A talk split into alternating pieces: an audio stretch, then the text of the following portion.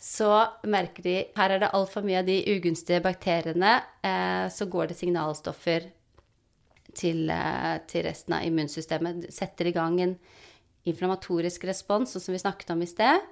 Og hvis vi ikke gjør noe med denne altså årsaken til eh, hva skal jeg si, dårlige tarmfloraen, da, så Ja. vil jo dette bare fortsette og fortsette og fortsette. Om vi har, får en kronisk betennelse.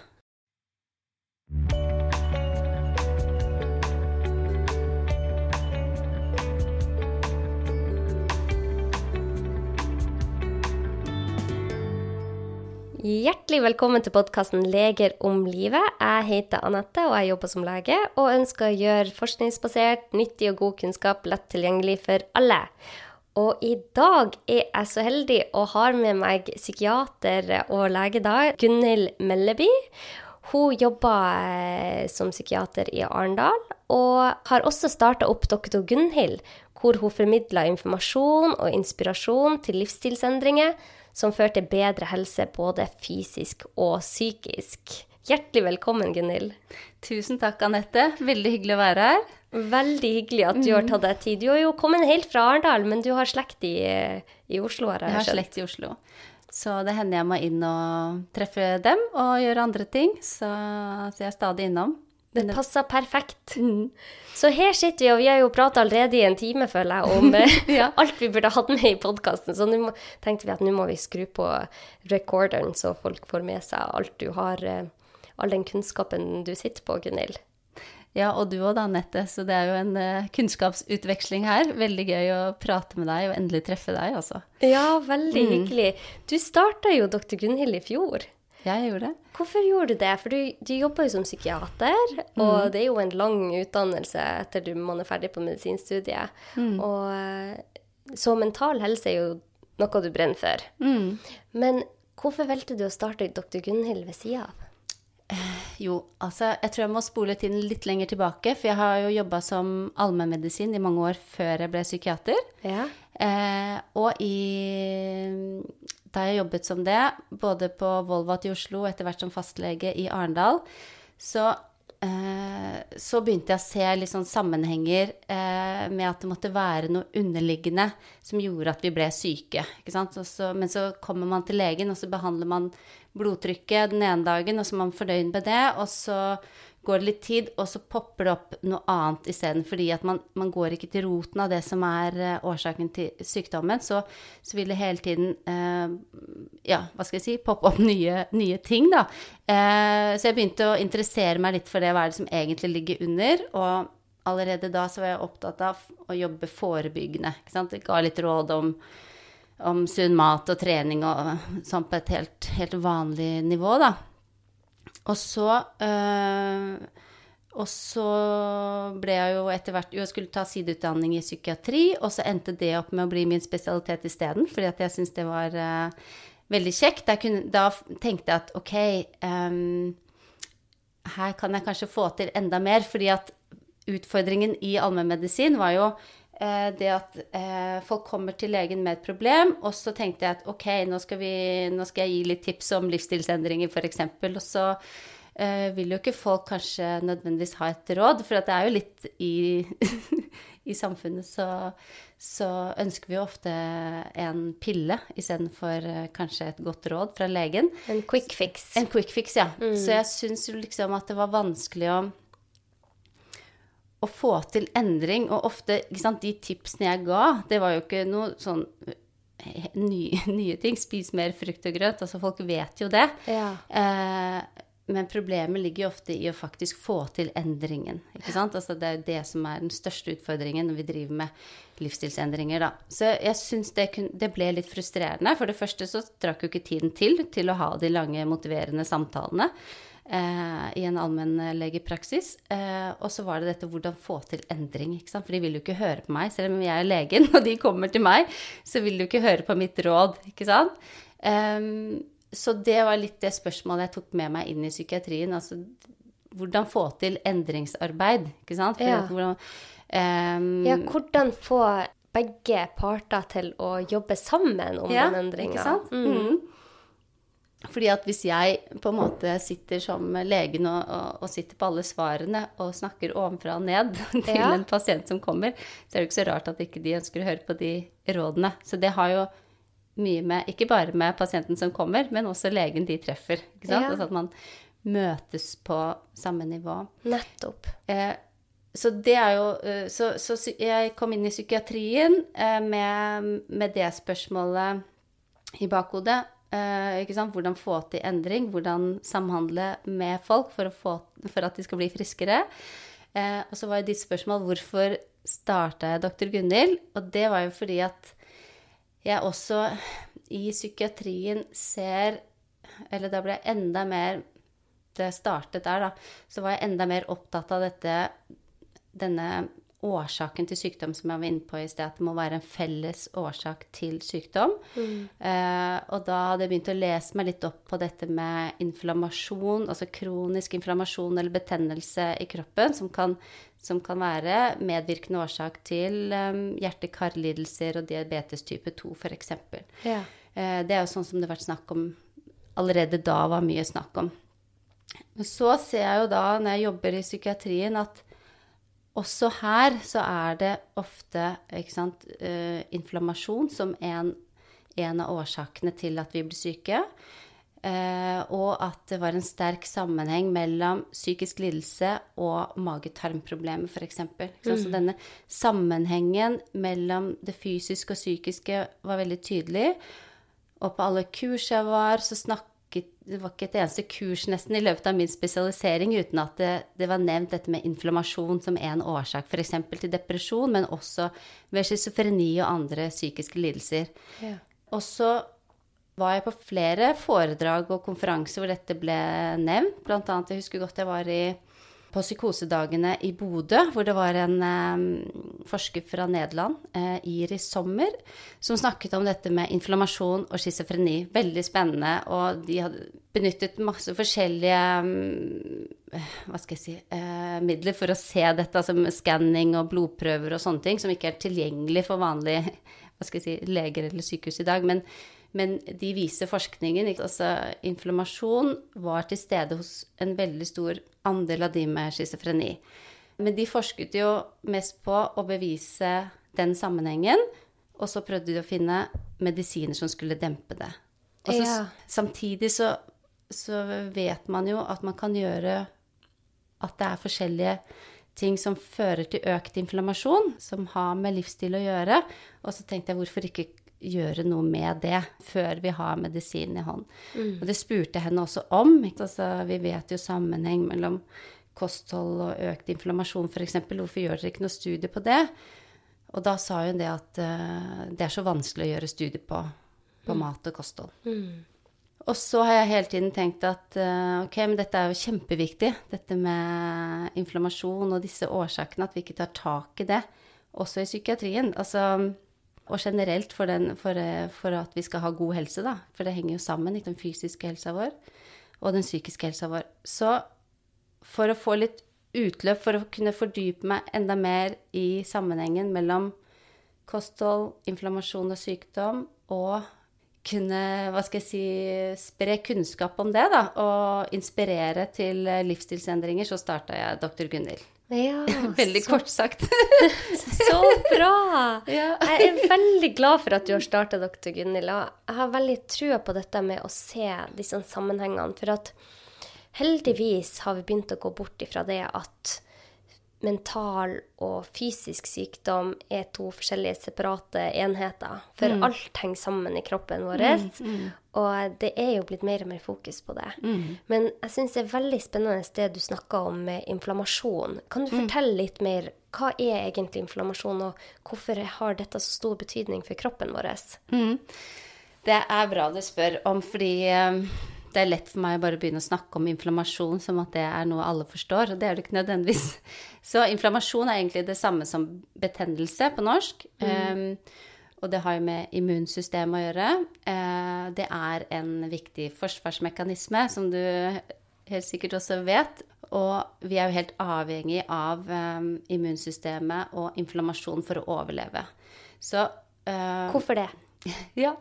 Eh, så for å ta et eksempel, hvis jeg blir kutta i hånda med en litt eh, sløv og skitten kniv, så, så vil det jo komme For det første få et sår.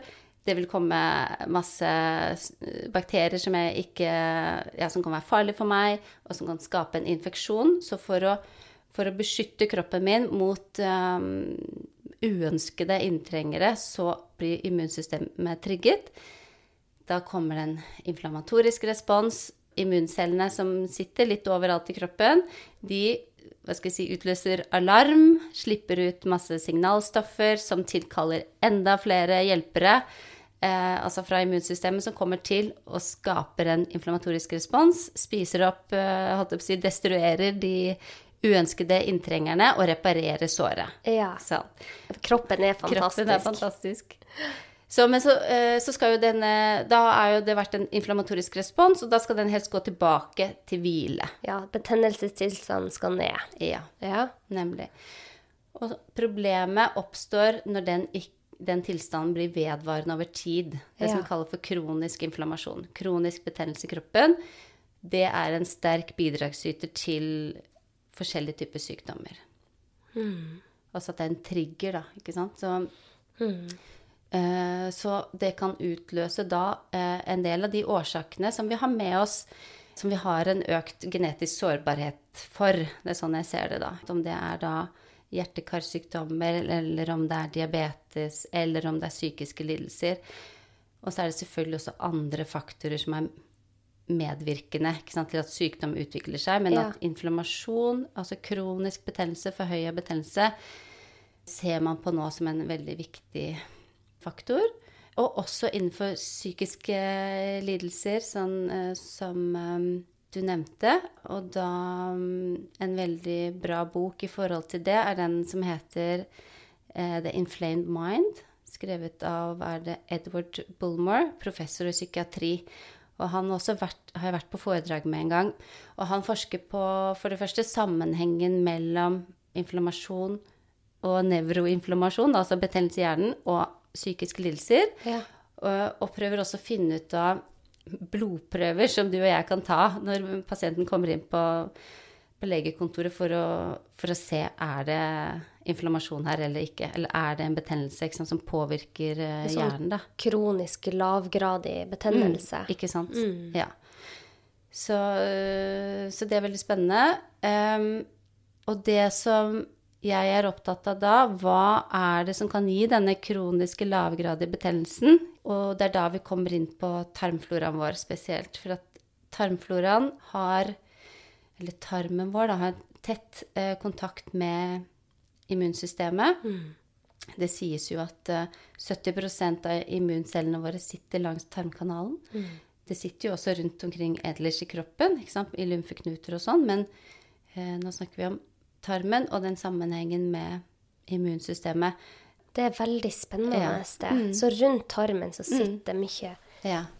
eh, Ja, det er et immunsystem der som har det blitt mer og mer fokus på. Eh, Så da er det jo sånn at man ser på disse bakteriene, eller mikrobene, for det er jo ikke bare bakterier, det er jo virus og sopp og eh, Alt mulig. Alt mulig ting. Mikroorganismer. Ja. Eh, mikroorganismer. Eh, og de kommuniserer med immunsystemet. Fordi at det, det er såpass tett nærvær der mellom Hvis man ser for seg liksom tarmkanalen som en tube, hvor de mikrobene er inni, eller mikroorganismer. Kan man si mikrober på norsk? Ja, det Ja. syns jeg man kan ja, si. man kan det. Eh, så er det jo sånn at eh, tarmen har jo et eget eh, nervesystem. Eh, Det enteriske nervesystemet som sitter eh, på innsiden av tarmveggen. Ja. Og på innsiden av tarmveggen så er det noen sånne beskyttende slimlag som skal beskytte For det, liksom selve tarmveggen er jo bare ett cellelag tykt. Det er Ja. veldig, veldig veldig tynt og skjørt. Så det er noen slimlag på innsiden der som skal beskytte oss for uønskede inntrengere og, og sånne ting. Mm, så for huden vår har jo mange, mange tykt cellelag Ja. med mm. døde celler Mm, oppå. sant? Mens i tarmen vår så har vi bare Det er bare én celle tykt. Er Kjempe, kjempe, kjempetynt. Så for at kroppen har eh, Kroppen har funnet en måte å beskytte seg mot, det er å ha også et slimlag på innsida der, mot alt som går i tarmkanalen. Er det det du sier? Ja, Ja. ikke sant? Ja. Veldig bra. Eh, Det er veldig fint at du oppsummerer, for dette er jo litt sånn tungt. er eh, eh, komplekst. eller Komplekst, da. Komplekst. Men veldig spennende. Ja, det syns jeg jo. Og så er det sånn at noen typer bakterier som man snakker om som liksom mindre gunstige, da, de kan tære litt på dette slimlaget og, og blottlegge liksom eh, tarmveggen. Og det som skjer da, er at eh, for det første så kan det jo bli, bli sår og sånn i tarmveggen som ikke er bra. Det kan jo skape en, en betennelse der og da. Eh, men dette nervesystemet til tarmen plukker opp Oi, da, for da kommer det veldig tett kontakt ikke sant, mellom tarmfloraen og dette nervesystemet til tarmen. Ja. Og så plukker disse, disse eh, immuncellene som, som står inni her som, med sånne små tentakler og tar tempen på, På på tarmen. tarmen, Ja. for å si det sånn. Ja. Så merker de alarm, alarm, her er det altfor mye av de ugunstige bakteriene. Eh, så går det signalstoffer til, eh, til resten av immunsystemet. Setter i gang en inflammatorisk respons, sånn som vi snakket om i sted. Og hvis vi ikke gjør noe med denne altså årsaken til eh, hva skal jeg si, dårlige tarmfloraen, da, så Ja. vil jo dette bare fortsette og fortsette og fortsette. Om vi har, får en kronisk betennelse. Mm. Så da ser vi at eh, hvis vi har for mange av de ugunstige bakteriene, for lite av de gode, fordi de gode bakteriene, de hjelper jo på å bygge opp og tette eh, og holde denne barrieren fin, da. Så det er det ene. Det andre er at de bakteriene som vi snakker om nå, de spiser jo eh, rester av den maten vi spiser, og bryter det ned. Og de gode bakteriene spiser mye f.eks. plantefiber, hjelper til å kutte det opp. Og så blir produktet sånne små endeprodukt, metabolitter, som Fra bakteriene. fra bakteriene. Altså, Så fiberet fiberet brytes ned. Ja. Og så får man et eksempel, kan jo brytes ned i sånne kortkjedede fettlenker, f.eks. smørsyre, eh, som har vist seg å ha veldig gun- gunstig effekt på å dempe betennelse. Både i tarmen, men også gå over i blodbanen og, og gjøre gode ting Ja, i, i resten av kroppen. og- Sende beskjeder. Ja, det er så spennende. Eh, så tarmbakteriene våre, det er jo ganske fascinerende det som har skjedd bare de siste ti årene. Hvor mye mer vi forstår om hva tarmbakteriene faktisk gjør for oss. Men tarmbakteriene, de kan hjelpe oss, holde oss friske, bryte ned maten vår, smøre tarmen, hvis man kan si det på den måten, eh, beskytte oss. Men det kan også gå andre veien. Hvis du får en overvekst av bakterier som ikke som er linka mot en dysbiose i tarmen, og en dysbiose i tarmen er jo igjen linka til utrolig mange sykdommer. Mm. Så det man har funnet ut, er at man faktisk kan endre denne tarmfloraen. Mm. Og hvordan, hvordan skal man få bakteriene på lag, da? Det er jo det du er veldig opptatt av. Mm, ja, det snakker jeg veldig mye om. Uh, og jeg eh, leser jo mye bøker for å finne ut av sant, hva er det som er det nyeste innen forskning. Det gjøres så mye forskning hele tiden. Men jeg syns at ved å lese bøker som andre leger har skrevet, hvor de har samlet veldig mye forskjellige eh, artikler og forskermateriale, Ja. det gjør at jeg kan tilegne meg kunnskap rundt det, da. Mm. Og nå må jeg bare spørre deg, hva var spørsmålet? Ja, hva gjør du? ja, hva slags mat, ja? Ja, altså for eksempel, ja, mat. Hvordan eh, gjør man at eh, tarmbakteriene våre har det bra? Så det som eh, man snakker mye om nå, er hva slags mat spiser de gode bakteriene, og hva slags mat spiser de dårlige bakteriene. Ja. Så sånn sett så kan man Og det er jo litt forenkla prinsipp, men Ja. det gjør det litt enklere å, og, og, endre på kosten. Ikke sant? Eh, og det man ser, er at uh, man trenger mange av de bakteriene som spiser plantefiber, for å si det sånn. Så ved å spise mer eh, helt plantebasert mat, altså mat som, som frukt og grønt og nøtter og bær og frø, fullkorn, sånne ting, så får vi i oss fiber som de gode bakteriene liker. De bryter ned fiberne, og så får vi disse gode produktene som de lager til slutt, da, etter Ja. at det er brutt ned. Avfallsstoffene. Avfallsstoffene, ja. ja. Som, som på en måte hjelper til med å dempe betennelse. På den annen side så vet man at Eller har man sett da, at et kosthold med, vel, med for mye eh, av f.eks. mettet frett fra, fra kjøtt og, og, og sånne ting, og det er jo ikke det at ikke man skal spise i det hele tatt, men vi, det, vi snakker om sant, for mye. Ja. Så hvis man får for lite plantefiber og for mye hva skal jeg si, animalsk fett, eh, og sånn, så kan det skape en ugunstig tarmflora. Da blir det for mange av disse gram-negative bakteriene som, som kan tære på dette slimlaget som vi snakket om. Ja, og så får en dysbiose, da. Mm. ja, og ultraprosessert mat. Og, Ultraprosessert mat også veldig ugunstig i forhold til tarmflora. Og det er jo nettopp fordi at det er i ultraprosessert mat, ikke sant, som ofte kan være plantebasert, ikke sant, hvitt mel eller hvitt sukker eller andre type ting som er laget på en fabrikk og pakket i en pakke, Ja. der er jo ofte fib, veldig mye av fibrene tatt bort. ikke sant? Sånn at det, den maten til bakteriene som de skulle ha spist, den kommer ikke. Bare sukker, ikke sant? men ikke fibre som skulle fulgt med.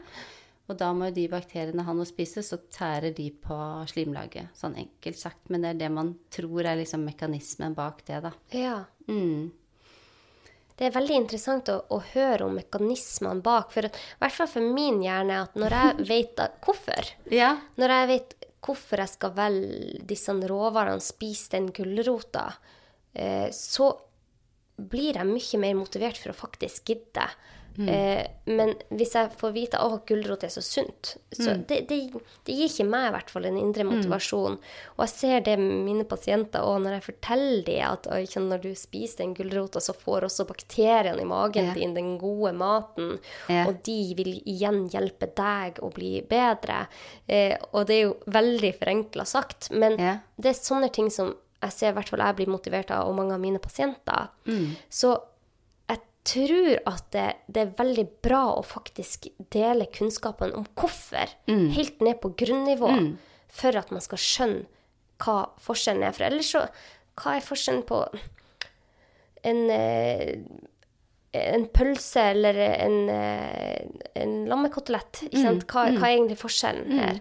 Ja. Men når man er skjønner, når man skjønner forskjellene, så blir det så mye lettere å velge de, ta de valgene som er riktige for en selv, da. Ja, jeg er helt enig. For da, når du spiser for tarmfloraen, så er det på en måte Det er eh, Det handler ikke bare om kalorier og å være tjukk og tynn, som ofte kan bli veldig destruktivt, da. Ja. Som, som vi tradisjonelt har snakket om sunn mat, så har vi snakket om kalorier og ikke fett, og uten å nyansere. Ikke sant? Vi skal jo ha fett, vi skal jo ha karbohydrater, men det er snakk om hva slags eh, kvalitet det er på den maten du spiser. Ikke sant? Og hvis man spiser mat som ikke er ultraprosessert, så får man med alle de gode fiberne. Og da blir man også mettere. Ikke sant? Da, da, da funker metthetsfølelsen vår, eh, liksom det systemet som skal styre metthetsfølelsen, da funker det mye bedre enn, eh, enn om vi spiser ultraprosessert mat, som vi jo kan spise helt uendelig mye av Ja. uten å føle oss mette. Ja, for at hormonene blir ikke skrudd på på samme vis. Det er så fascinerende. Mm. Så hvis du har en pasient inne da som forteller at eh, Veldig ofte ser i hvert fall jeg, når jeg har pasienter som sliter med magen, så har de ofte også mentale utfordringer og eh, kan ha tåkehjerne, kan være veldig lei seg ofte, deprimert, har angst. Eh, og når man ser, når man vet da sammenhengen mellom tarmen og, hjernen, hva, hva gjør du for å veilede pasientene dine? Um, Det er et godt spørsmål, men jeg tror det er viktig å snakke om litt de underliggende mekanismene, sånn som vi har vært inne på nå. Ehm, og så uh, vise litt til det at, eh, at det er en kommunikasjon mellom hjernen og tarmen. Og at det er en kommunikasjon mellom et eh, system altså, som avhenger av hverandre. Hvis man ser på sant, tarmen, tarmflora, immunsystem og hjerne. det er som et system som påvirker hverandre. Så Ja. hjernen påvirker magen. Hvis vi blir nervøse, så får vi, kan vi få akutt diaré, f.eks. Det kjenner de fleste til. Eller kronisk stress over tid. Kan jo, noen kan jo bli forstoppet av det. Ehm, og det igjen kan jo påvirke tarmfloraen, at hvis um, tarmen Hvis vi får forstoppelse, så vil miljøet inni tarmen endre seg, og da vil eh, levevilkårene for disse mikrobene bli annerledes. Og det, det i seg selv vil endre tarmfloraen. Så stress kan endre tarmflora. Eh, tarmflora, som vi sa, kan påvirke immunsystemet. Immunsystemet kan påvirke hjernen. Ja. Ok? Og så, eh, så vet vi at Så stress er en viktig faktor når vi snakker om eh, dette med, eh, med psykisk helse og ja, alt det vi snakker om nå. Eh, men selvfølgelig så snakker jeg også mye om mat, da. For Ja. å ta vare på den mentale helsa vår. Det handler jo ikke bare om psykisk lidelse, men det handler jo om å ta vare på vår mentale helse og ha det så bra som mulig. Ikke sant? Ehm, og da er jo det som vi egentlig var inne på, spise mat som er bra for tarmen, som gjør at vi får mer, mer av de gode bakteriene. Gjerne ha en kilde til uh, probiotika. Det nevnes også i veldig mange av disse bøkene som snakker om mat og psykisk helse, da. Hva er probiotika? Hva er forskjellen på probiotika og prebiotika? For det er jo veldig mye snakk om det for tida. Ja. Eh, og altså probiotika, det er jo egentlig eh, bakterier eller eh, mikrober som, eh, som skal være bra for oss. Altså ikke hvilke som helst bakterier, men det er jo da noen bakterier som skal egentlig eh, gjøre at eh, vi får mer av de gode bakteriene i tarmen. Eh, så er det jo mye som selges som probiotika, hvor, hvor man kanskje ikke nødvendigvis har gjort studier på at disse bakteriene gjør noe godt for oss. Nettopp. Ikke sant? Eh, og da er det plutselig ikke en probiotika. Så hvis vi spiser bakterier eh, Altså eh, kapsler da, som heter probiotika Hvis Ja. ikke det er gjort gode studier på det, så kan vi ikke kalle det probiotika.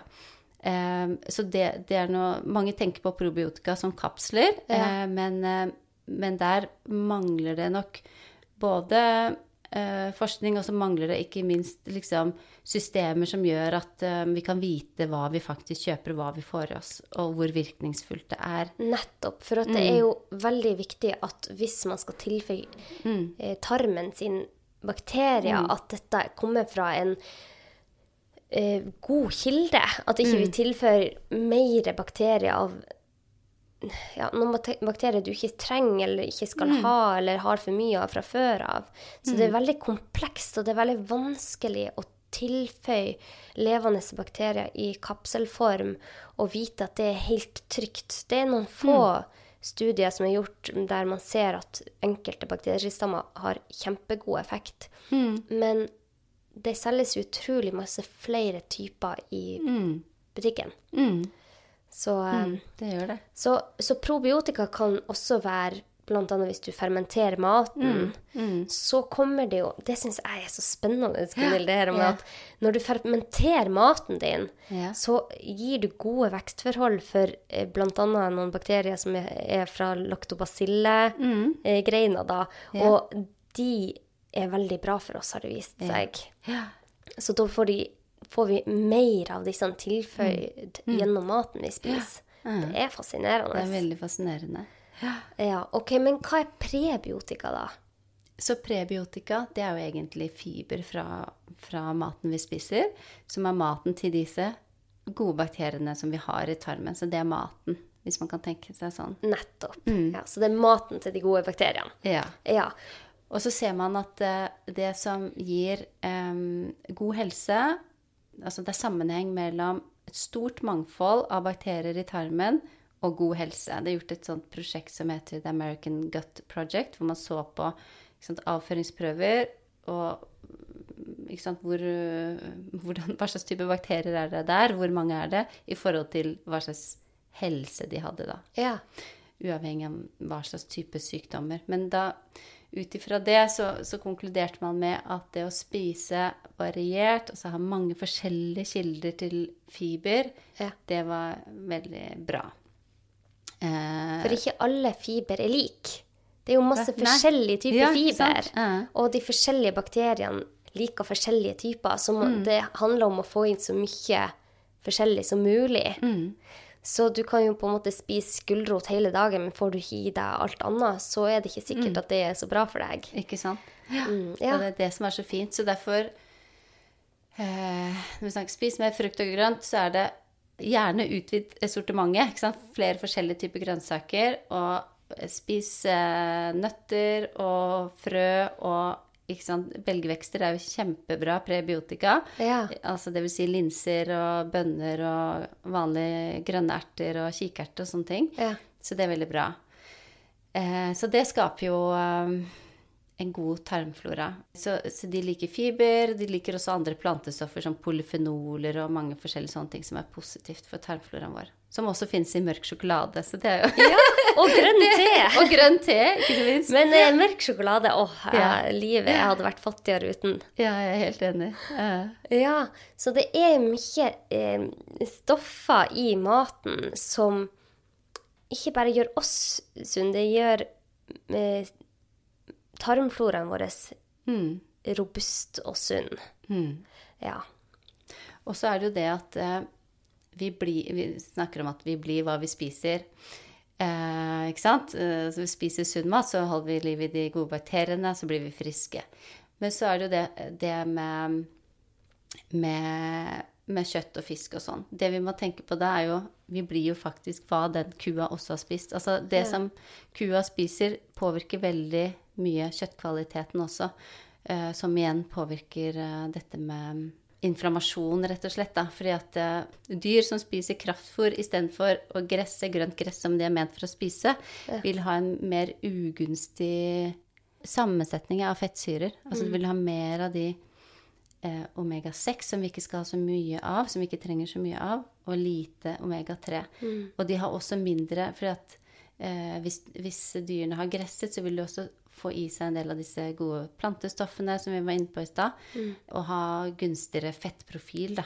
Ja. Så, så det tenker jeg også er en sånn kjempeviktig eh, for helsa vår, og Ja. som dessverre er veldig vanskelig for en forbruker å kontrollere og vite hva du faktisk kjøper, da. Så det Ja.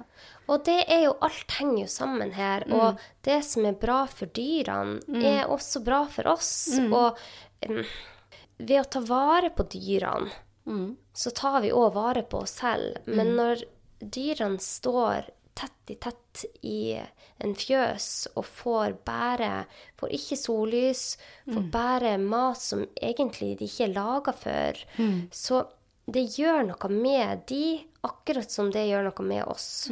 Og jeg tenker at det, det er en sammenheng mellom alt dette og bærekraft og miljø, og ser man disse sammenhengene, så er det også lettere å ta de valgene som både er bra for dyrene, men også for oss. For det som er bra for planeten, er Ja. bra for oss. ja. Så eh, det er fint at du tar opp det. Ja, og jeg tenker også at det gjør det ofte lettere å ta gode valg når det ikke bare handler om deg selv. For at det, som jeg var inne på i sted, veldig ofte så tenker vi å, jeg er for tjukk, jeg må gjøre noe med kostholdet mitt. Altså, jeg må spise mindre. Så blir fokuset veldig destruktivt og negativt. Istedenfor å sant, Når vi løfter blikket ut og tenker bærekraft, dyrevelferd, spise for tarmfloraen, så blir det mye gøyere. Altså, Ja. Det er jo mye enklere å ta gode valg, og så blir det med en gang det handler om noe større enn deg selv, så er det også lettere, syns jeg, da, å ta gode valg. Ja. Sånn at uh, Enig. Så jeg håper at eh, man kan gjøre det billigere å spise god mat. For at jeg fikk jo en, en eh, lang og fin melding, og jeg forstår det veldig godt. Det var en person som var veldig fortvila over at jeg formidla det hvor viktig det var med kosthold og helsa, for hun sa at hun har jo ikke råd til det. Hvordan skal hun ha råd til det? Jeg skjønner det. Jeg forstår det veldig godt at det er fortvilende. Men det som man òg ser, er at eh, når man kjøper disse gode råvarene, så ja, man spiser mye mindre ute, man spiser ikke mye fast food. Det er jo òg dyrt. Og eh, vi, i hvert fall i denne familien, vi kaster veldig, veldig lite mat. Det skal mye til for at jeg kaster mat, altså. Og jeg spiser roten på brokkolien, og jeg, jeg prøver å få med meg alt. Så sånn får man kanskje litt eh, Får man igjen for det man kjøper. Men det, er, det er dyrere per nå å spise sunt enn å spise usunt. Og sånn kan det ikke fortsette. Det er ikke bærekraftig. Og det Å, jeg gleder meg en dag så skal jeg få en politiker inn og snakke om det her. Ja. For det, det her må vi ta tak i. Mm, absolutt. Det er så viktig. Mm. Men en annen ting i forhold til det med mat og, og psykisk helse, da, så ehm, Jeg bare tenkte på Vi var inne på det i stad. Ja. Um, så er det jo en um, professor i Australia som heter Felice Jacka. Hun har vært i Norge flere ganger og forelest. Jeg har dessverre ikke fått høre henne, men hun har jo skrevet en bok som heter eh, The Brain Changer. Vet, har du lest den? Nei, Nei? den må jeg lese. Ja, den må du lese, du som er interessert i dette her. Og der, eh, For det går direkte på dette med, med hva slags type mat eh, i forhold til psykisk helse, og spesielt i forhold til eh, depresjon. Hun har gjort en studie De gjorde en studie på slutten av 90-tallet, tror jeg det var, som sikkert kom ut mye senere, men jeg tror det var da den startet, som heter The Smile Study. Em, Ja. som ser på hva slags Eller hvor de vet vanlig sånn um, distriktspsykiatrisk senter da, i Australia ga folk eh, litt eh, informasjon om eh, kosthold. Samtidig som det gikk til eh, samtaleterapi. Og kontroll, så var det også en kontrollgruppe som, som også møttes en gang i uka for å få en slags sånn samtale. fordi at det å møte andre mennesker og ha samtale, det vet man jo er bra i seg selv. Ja. Sånn, hvis man sliter med depresjon. Så de hadde en kontrollgruppe, så det er en ganske god studie. Og da, i den eh, gruppen som fikk eh, opplæring i kosthold, så var det mm, basert på sant, sånn middelhavskosthold, sånn i utgangspunktet. Og den Nå husker jeg ikke resultatene mens vi sitter her, men det var ganske gode resultater i forhold til eh, remisjon, altså tilbakegang av depresjon i den gruppen som fikk informasjon om kosthold. I Eh, tillegg til i tillegg til samtaleterapien. Ja. I forhold til de som ikke fikk det. Og det som, som jeg syns er veldig eh, bra, og som hun også har gjort et poeng ut av, er at én ting er at det viste at maten hadde mye å si, og det andre er at det hjelper å informere om det. For det, det er ofte det vi hører at ja, men ikke sant, når folk har det så vanskelig allerede, så er det jo vanskelig å føre Altså å starte med endringer, da. Men det at de faktisk klarte å gjøre endringer også, når de fikk dis, den informasjonen, det også var et ganske sånn interessant funn, da. Ja, og hvis man følger det opp, og eh, pasienten vet at man gjør det for at man ønsker deres beste. Jeg har så god erfaring med det. Jeg jobba jo som fastlege før jeg begynte i hudspesialiseringa mi, og da hadde jeg en del personer som kom inn med mentale lidelser. Og det er særlig én person som står veldig sterkt hos meg, en utrolig flott uh, ung mann, som kom og var veldig deprimert. Han hadde hatt det veldig tøft i mange år. Og så begynte han å, å komme ukentlig til meg i en periode, samtidig som han også fikk hjelp hos, i psykiatrien. Eh, men han hadde ikke lyst til å bruke medisiner, så vi begynte å jobbe med andre faktorer, også i tillegg til samtaleterapien han fikk. Og da begynte han bl.a. å endre på kostholdet sitt, for det hadde jo han ikke hatt fokus på i mange år. Og så Han var jo en person som elska å løpe og var en veldig, veldig sportslig fyr før mm. han hadde kommet inn i feil miljø. Og, ja, og så begynte han å ta opp løpinga si. Og det var bare så utrolig å se forskjellen på han Han kom til meg rett før jul, og når vi gikk mot våren, hvor frisk han ble. Og eh, ah, jeg blir litt rørt av å snakke om han, for at han kom jo til meg et år etterpå og begynte å lære meg om kosthold og helse.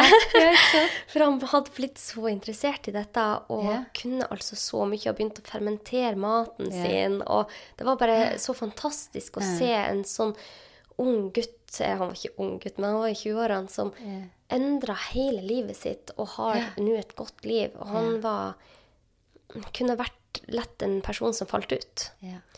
Og kostholdet var veldig viktig her. Ja. Fordi at han fikk ikke den næringa han trengte. Mm. Han var radmager og ble en sterk og sunn person igjen som Mm. Det er bare helt utrolig hva man kan gjøre Mm. når vi hjelper hverandre. Mm. For at da får de indre motivasjon når de ser sammenhengene. Ja.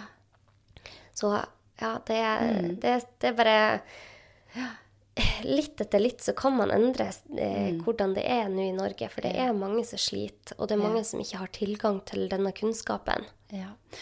Og det, og det er jo sånn, ikke sant, når jeg var nyutdanna lege, som jeg snakket om helt i begynnelsen i dag, ikke sant, jeg ble så frustrert fordi at folk ikke ville høre på rådene mine. Men det er jo også noe med hvordan man møter den andre personen, som du sier, ikke sant? Og, Ja.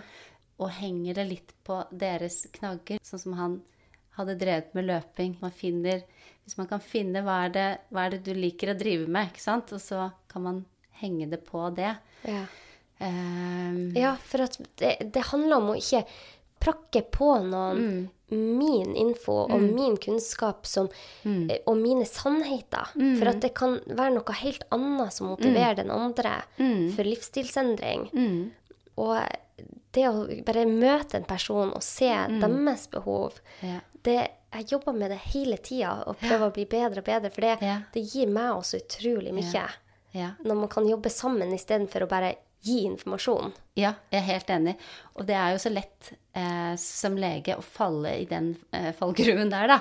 Og på en måte skulle belære, ikke sant. Men det, det kommer man jo ingen vei med. Eh, Men jeg forstår det blir sånn, for man har så dårlig tid, ikke Ja. sant? Så man Ja. så lyst til å fortelle alt. Men ja, håper vi får mer tid som leger etter hvert òg.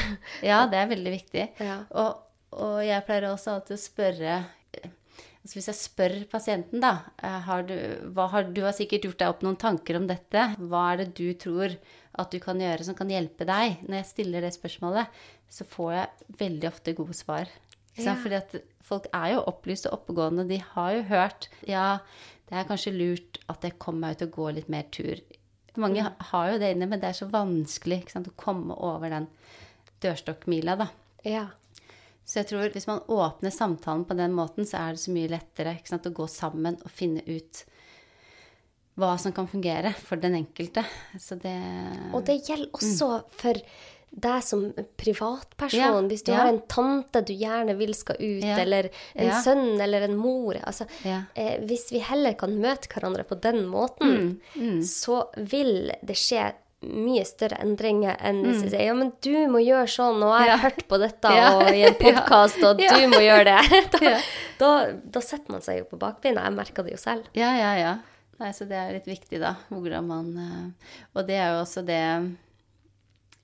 Ja, som jeg eh, prøver hele tiden nå med Dr. Gunhild, altså den Instagram-kontoen min. Og ikke sant, jeg prøver bare å formidle kunnskap, sånn at folk kan plukke opp det de ønsker å vite mer om selv. Ja. Eh, og, og gi litt inspirasjon, sånn at folk selv kan finne ut av hva det er jeg kan gjøre. Ikke, sant? ikke for å si at sånn må du gjøre det, selv om det er jo veldig lett at det misforstås, ikke sant? Ja, at jeg legger ut kanskje noe om meg selv for å inspirere andre, så kan det Ja, sånne ting kan jo lett misforstås. Ja, Men, oppfattes feil. ja, Ja. men det er jo det Jeg blir i hvert fall inspirert av andre. Når jeg, jeg følger jo bare kontoer som jeg syns er inspirerende selv. Eh, og jeg ser jo at det har en effekt på min egen, mitt eget liv, da. Mm. Og der er du inne på noe. Mm. For at jeg tror veldig mange følger kontoer. Jeg må bare Ja. skyte inn det at Ja.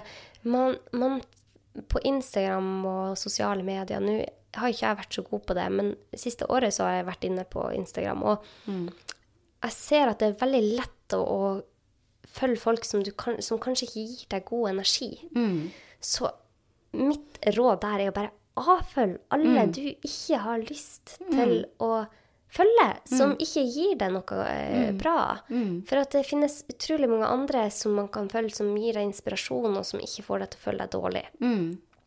Så eh, Ja, det, det tenker jeg, for det er så viktig. Nå kommer vi med veldig mange I dag da, så vi snakket om veldig mange ting man Ja. kan gjøre eller bør spise osv. Ja. Men eh, det er jo så viktig å ha et litt balansert forhold til det. Og at det skal være positivt. mm, Derfor har jeg begynt å, å lese mye mindre nyheter, og jeg holder meg oppdatert, men jeg, jeg er ikke innom absolutt alle nyhetsbladene på nett, sånn som jeg var før. Fordi at eh, det, man blir påvirka. Det er Hvis det første du gjør om morgenen, er å skru på mobilen din før du har gått ut av senga, og bare blir bombardert med nyheter og alt som har gått galt i verden, eller alle, alt det andre skriver på Instagram, så får du ikke sentrert deg. I hvert fall ikke for min del. Jeg må føle at jeg er OK, her er jeg, her har jeg stått opp. Det er mitt liv, først og fremst. Ja. Og hvordan er det i huset? Ikke hvordan er det på andre sida av verden, eller hvordan har venninna di festa i natt. Ja.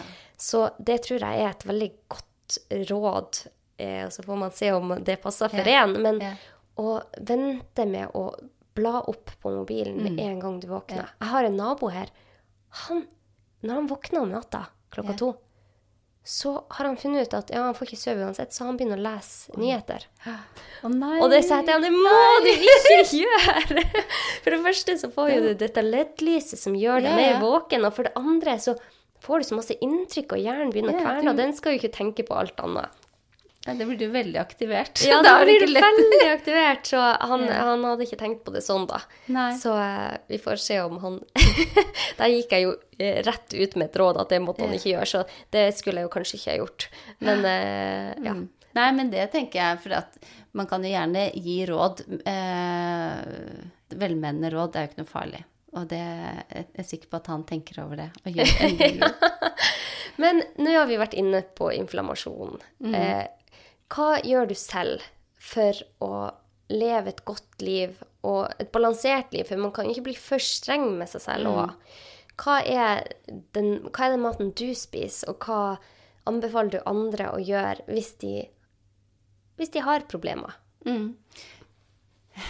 Eh, jeg prøver å tenke på mat som noe positivt, ikke sant? Altså Jeg liker å spise mat som jeg vet gjør meg bra, og det blir jeg glad av å spise. Så det er ikke sånn uh, mange tenker 'Å, stakkars deg, du spiser jo ikke noe usunn mat, du unner deg ikke noe godt'. Jo, jeg kan godt unne meg usunn mat av og til.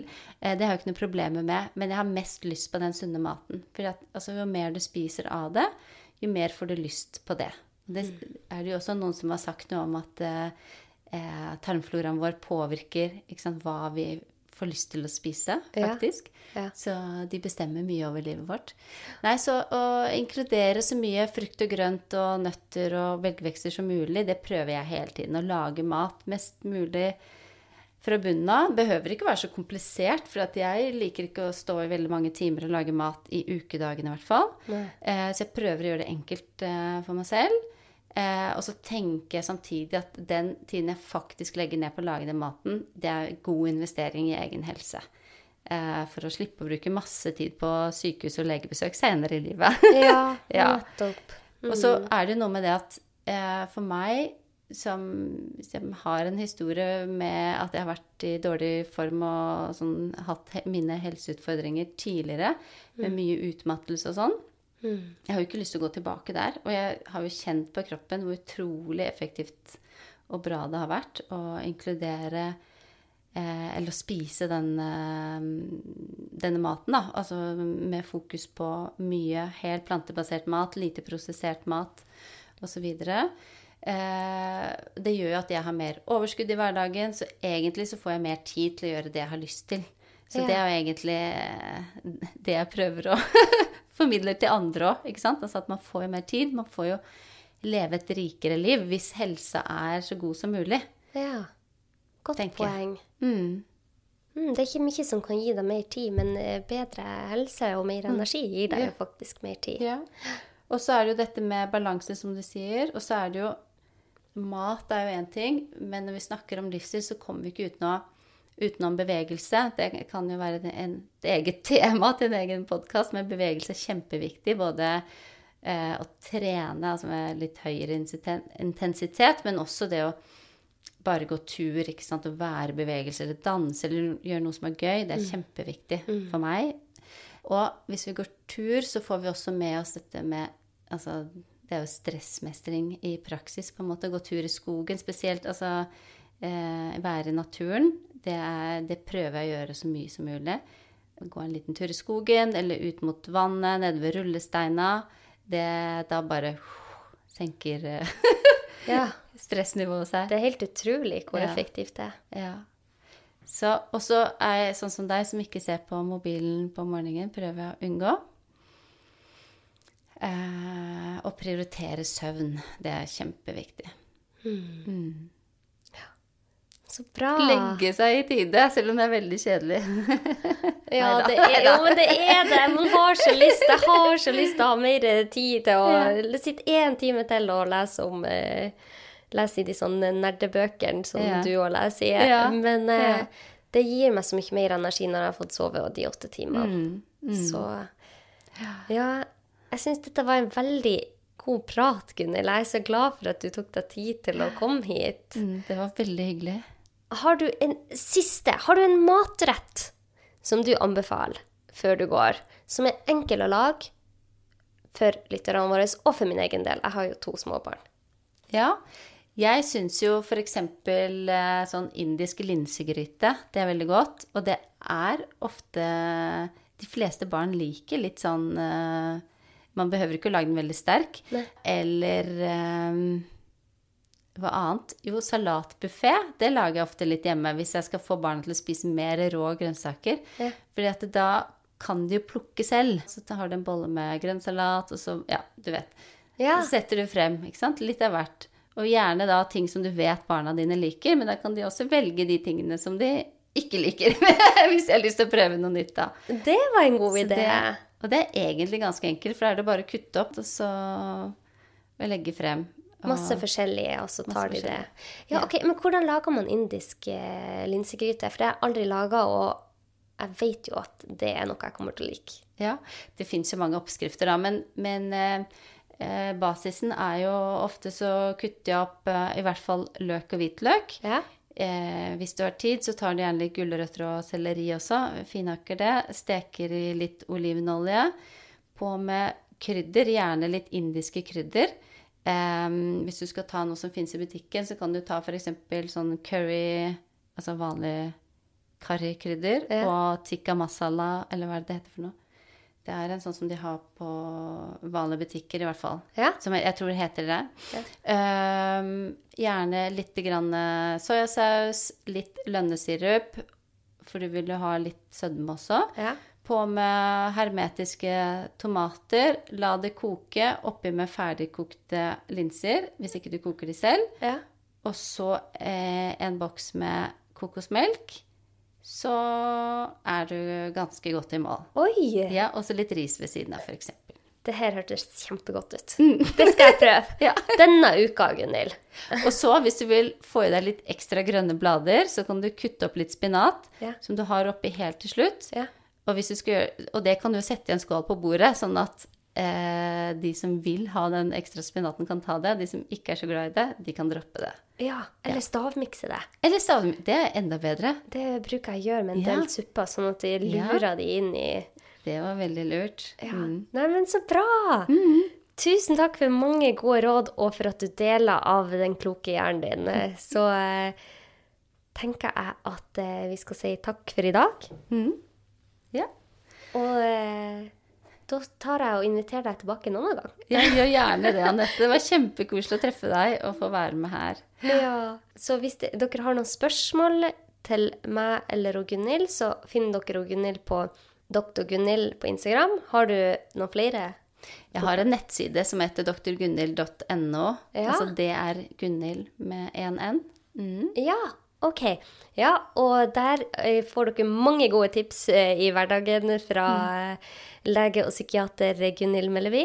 Og eh, hvis dere ønsker å gi noen tilbakemeldinger eller ja, har noen tips eller råd dere ønsker å komme, bare skriv til meg på Instagram på Leger om livet eller Facebook på Leger om livet. Og ja, da ser jeg jeg har også en Facebook-konto som heter det samme.